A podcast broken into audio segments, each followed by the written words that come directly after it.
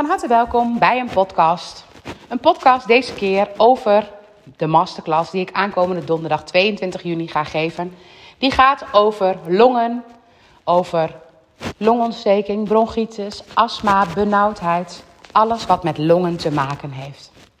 En als je kijkt naar de longen, dan zijn de longen eigenlijk het orgaan, ook al vinden we het hart daar natuurlijk ook heel belangrijk in. Alle organen zijn er heel belangrijk in.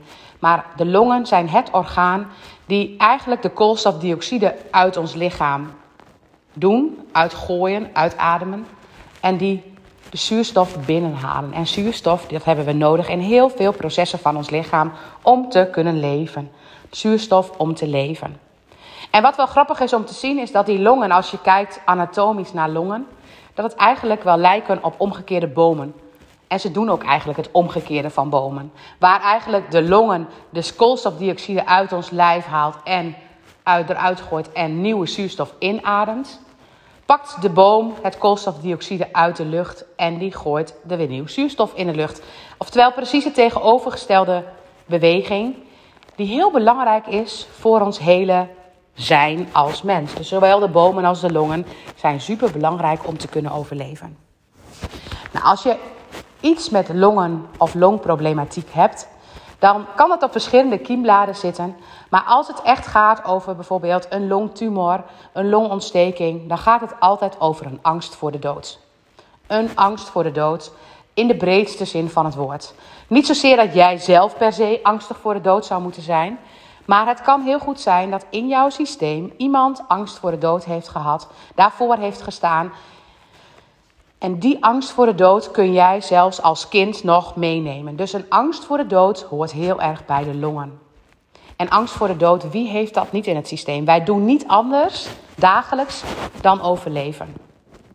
Kijken we bijvoorbeeld naar ons leven en je kijkt bijvoorbeeld naar pas op, kijk uit. Dat zijn allemaal reacties die we als ouders doen omdat we eigenlijk bang zijn dat er iets misgaat. En als er iets misgaat, dan doet iemand zich zeer. En als iemand zich zeer doet, dan kan het ook fouter aflopen. En op die manier zijn we altijd op onze quivief of alles maar goed gaat. Altijd zijn we een beetje bang. Bang dat er iets gaat gebeuren. Nou, die angst, dat hoort ook heel erg bij de longen. En die angst heeft in het systeem van de longen ook nog een vrouwelijke kant en een mannelijke kant. En dat verhaal heb ik al vaker verteld van een kip en een haan waar de kip op het nest zit. En als er een bedreiging aankomt, in het nest schrik voelt en een schrikbeweging gaat maken en zich vooral heel erg stilhoudt. En dan dus een aanpassing gaat doen van de keel. Gaat een haan op het moment dat er een schrik is, juist heel hard kukelen en gaat hij zijn longen openzetten om zoveel mogelijk lawaai te maken. En dat heet territoriumangst Waar dus bij de kip gereageerd wordt met een schrikangst en uiteindelijk een keelprobleem, gaat bij het haantje gaat een territoriumangst ontstaan als er een bedreiging komt. En die territoriumangst die zorgt voor wijde longen en uiteindelijk een bronchitis. Nou, dat van die bronchitis, helaas mocht ik dat ook nog even weer ervaren van dichtbij. Mijn zoon is net weer hersteld van een fors bronchitisbeeld. Die alles met elkaar helemaal daarin gekoppeld valt. Het is echt ongelooflijk hoe dat systeem in elkaar klopt. Want hij is 14 jaar, bij 7 is mijn vader overleden aan een longprobleem. En uiteindelijk, zeg maar, als je zo kijkt, dan is het echt bijzonder. 14, gedeelte 2 is 7, 7, dan gaan we naar 0. Bij de geboorte heeft hij thema's op zuurstof gehad. En zeven weken later is hij ook al heel benauwd geweest, weer die 7. Dus het lijkt een soort herhaling van zetten te zijn. Nou, dat wat daar allemaal open komt. Ik ga proberen om dat in de masterclass allemaal uit te leggen. Want het is echt ongelooflijk hoe dat bij elkaar hoort. Maar waar heb jij angst voor? Waar schrik jij van? Waar schrik jij wel eens van als je bijvoorbeeld gewoon voor jezelf kijkt? Ik kan bijvoorbeeld al schrikken van bepaalde harde geluiden dan. En dat is niet erg, maar het is soms wel eens goed om je eens bewust te zijn waar je allemaal van schrikt. En eigenlijk merk ik ook dat als we, als we samen zijn als gezin, dat ik altijd een beetje onrust aan mijn buik heb of we het allemaal wel gezellig hebben.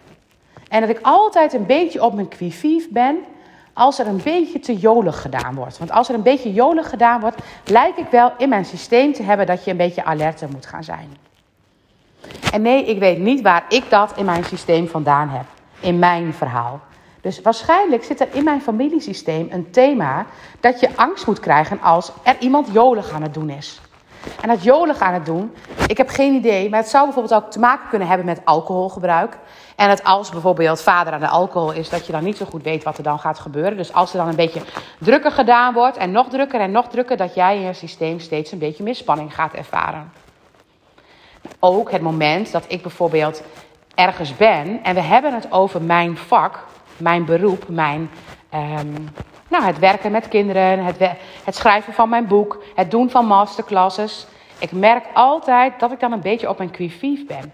Wat zou iemand anders ervan vinden en zouden ze me hierop afrekenen, op afkeuren? Geen idee, maar het lijkt wel bijna alsof ik ooit een keer afgekeurd ben op dat stukje. En het past natuurlijk helemaal in mijn verhaal, want ik ben vanuit fysiotherapie, manuele therapie heel regulier gebleven. Ik heb ook heel goed contact met heel veel artsen, puur omdat ik ook heel regulier ben. Maar daarnaast heb ik ook osteopathie gedaan en heb ik ook um, uh, een opleiding gedaan waardoor ik systemisch werk. En dat zijn allemaal opleidingen die minder regulier zijn. En als ik dat dan benoem, ben ik altijd alert of iemand mij daarmee om de oren gaat slaan. Ook een territoriumangst. En al die angstjes, langzaam begin ik ze steeds meer te ontdekken. En Jort spiegelt me daar natuurlijk enorm in door dan meteen weer benauwd te gaan worden. Dat uh, heb ik als geluk erbij, zodat ik nog dichter bij de kern kan komen. Maar het is zo bijzonder om te zien van jezelf, en ik ontdek het nu steeds meer en meer, waar ik een, een inademingsstand van krijg. Waar ga ik steeds meer van aan? Waar word ik een beetje alert van? En eigenlijk is mijn totale doel om helemaal door al die spanningen heen te ademen. En om helemaal te kunnen zakken. En dan niet alleen als ik alleen ben, maar ook als ik ergens anders ben.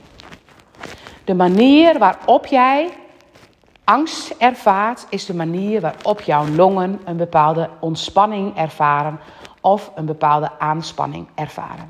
Dus de manier waarop jij helemaal kunt zakken in je systeem en het zuurstof helemaal tot je kunt laten nemen, oftewel het leven helemaal tot je kunt nemen, dat is de manier waarop je longen het meest optimaal functioneren.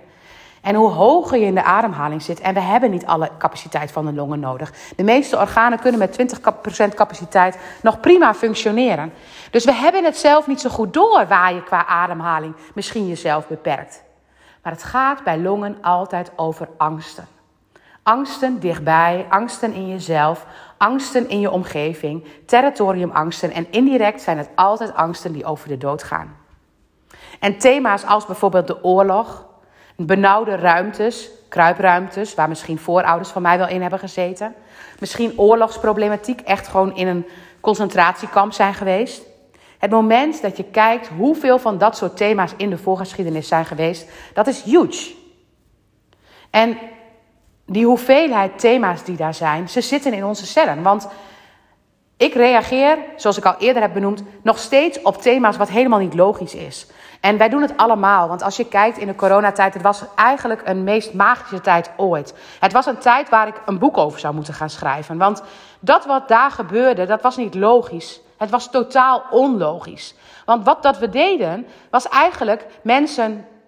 Um, uh, mensen bijvoorbeeld die angst hadden, die deden dingen die vanuit de oorlog toen logisch waren. Dus bijvoorbeeld, de winkels waren bijna leeg voor hun gevoel en ze moesten gaan hamsteren, want straks hebben we tekort. Terwijl wij eigenlijk helemaal geen tekorten kennen. Maar oeh, we hebben tekort, dus we gaan het doen. En het blijkt zo te zijn dat in de plaatsen waar veel honger geleden is, dat daar dus ook veel meer mensen aan het hamsteren gingen.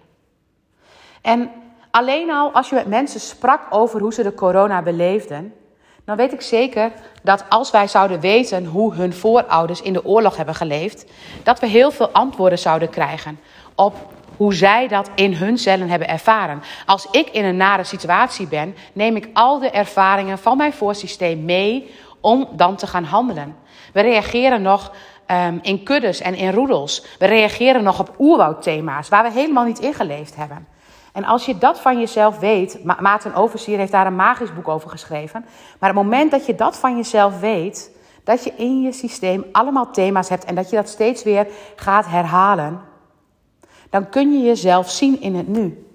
En dan kun je ook bepaalde territoriumangsten ontdekken als dat is helemaal niet nodig. Dat ik bijvoorbeeld misschien nog reageer alsof ik als heks verbrand zou kunnen worden als ik als wijze vrouw extra kennis zou hebben.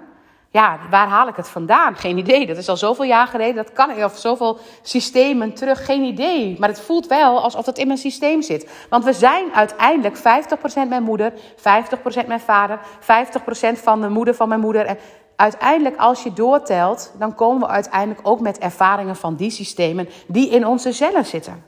En onze cellen houden die informatie.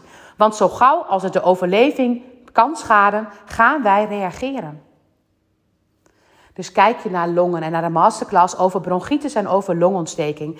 Dan ga ik je meenemen in het nu, in de thema's van nu. Wat corona bijvoorbeeld deed. Wat gaf corona voor thema's? En welke thema's de mensen die bijvoorbeeld long-covid klachten hebben. Waarom hebben die long-covid klachten? En ik weet het natuurlijk niet helemaal 100%, maar ik wil wel heel graag je meenemen in die gedachtegang. Want het past precies bij territoriumangst. We werden ook bang gemaakt. En we waren ook op een gegeven moment bang voor elkaar. Nog een keer territoriumangst. En bang dat we niets wisten van de ander of die het wel had of dat hij het niet had. Allemaal thema's die denk ik ook weer herhaald werden vanuit de Tweede Wereldoorlog. Ik ga je meenemen in longen, in de longen. En in benauwdheid, astmaat, astmatische reacties. Waar heb je sporen? Waar reageer je op? En ik moet zeggen, sinds ik dat weer extra aandacht heb gegeven, doordat Jort daarin terecht kwam en ik had deze masterclass gepland, zie ik steeds beter hoe ik mezelf steeds lucht ontneem. En hoe ik eigenlijk heel vaak een klein beetje reageer. En hoe ik dan op dat moment echt mag denken: maar is het nodig dat ik hier zo reageer? Of mag ik daar helemaal doorheen ademen? Ik neem jullie mee in de masterclass die je zeker weten ruimte en lucht zal gaan geven. Dankjewel voor het luisteren.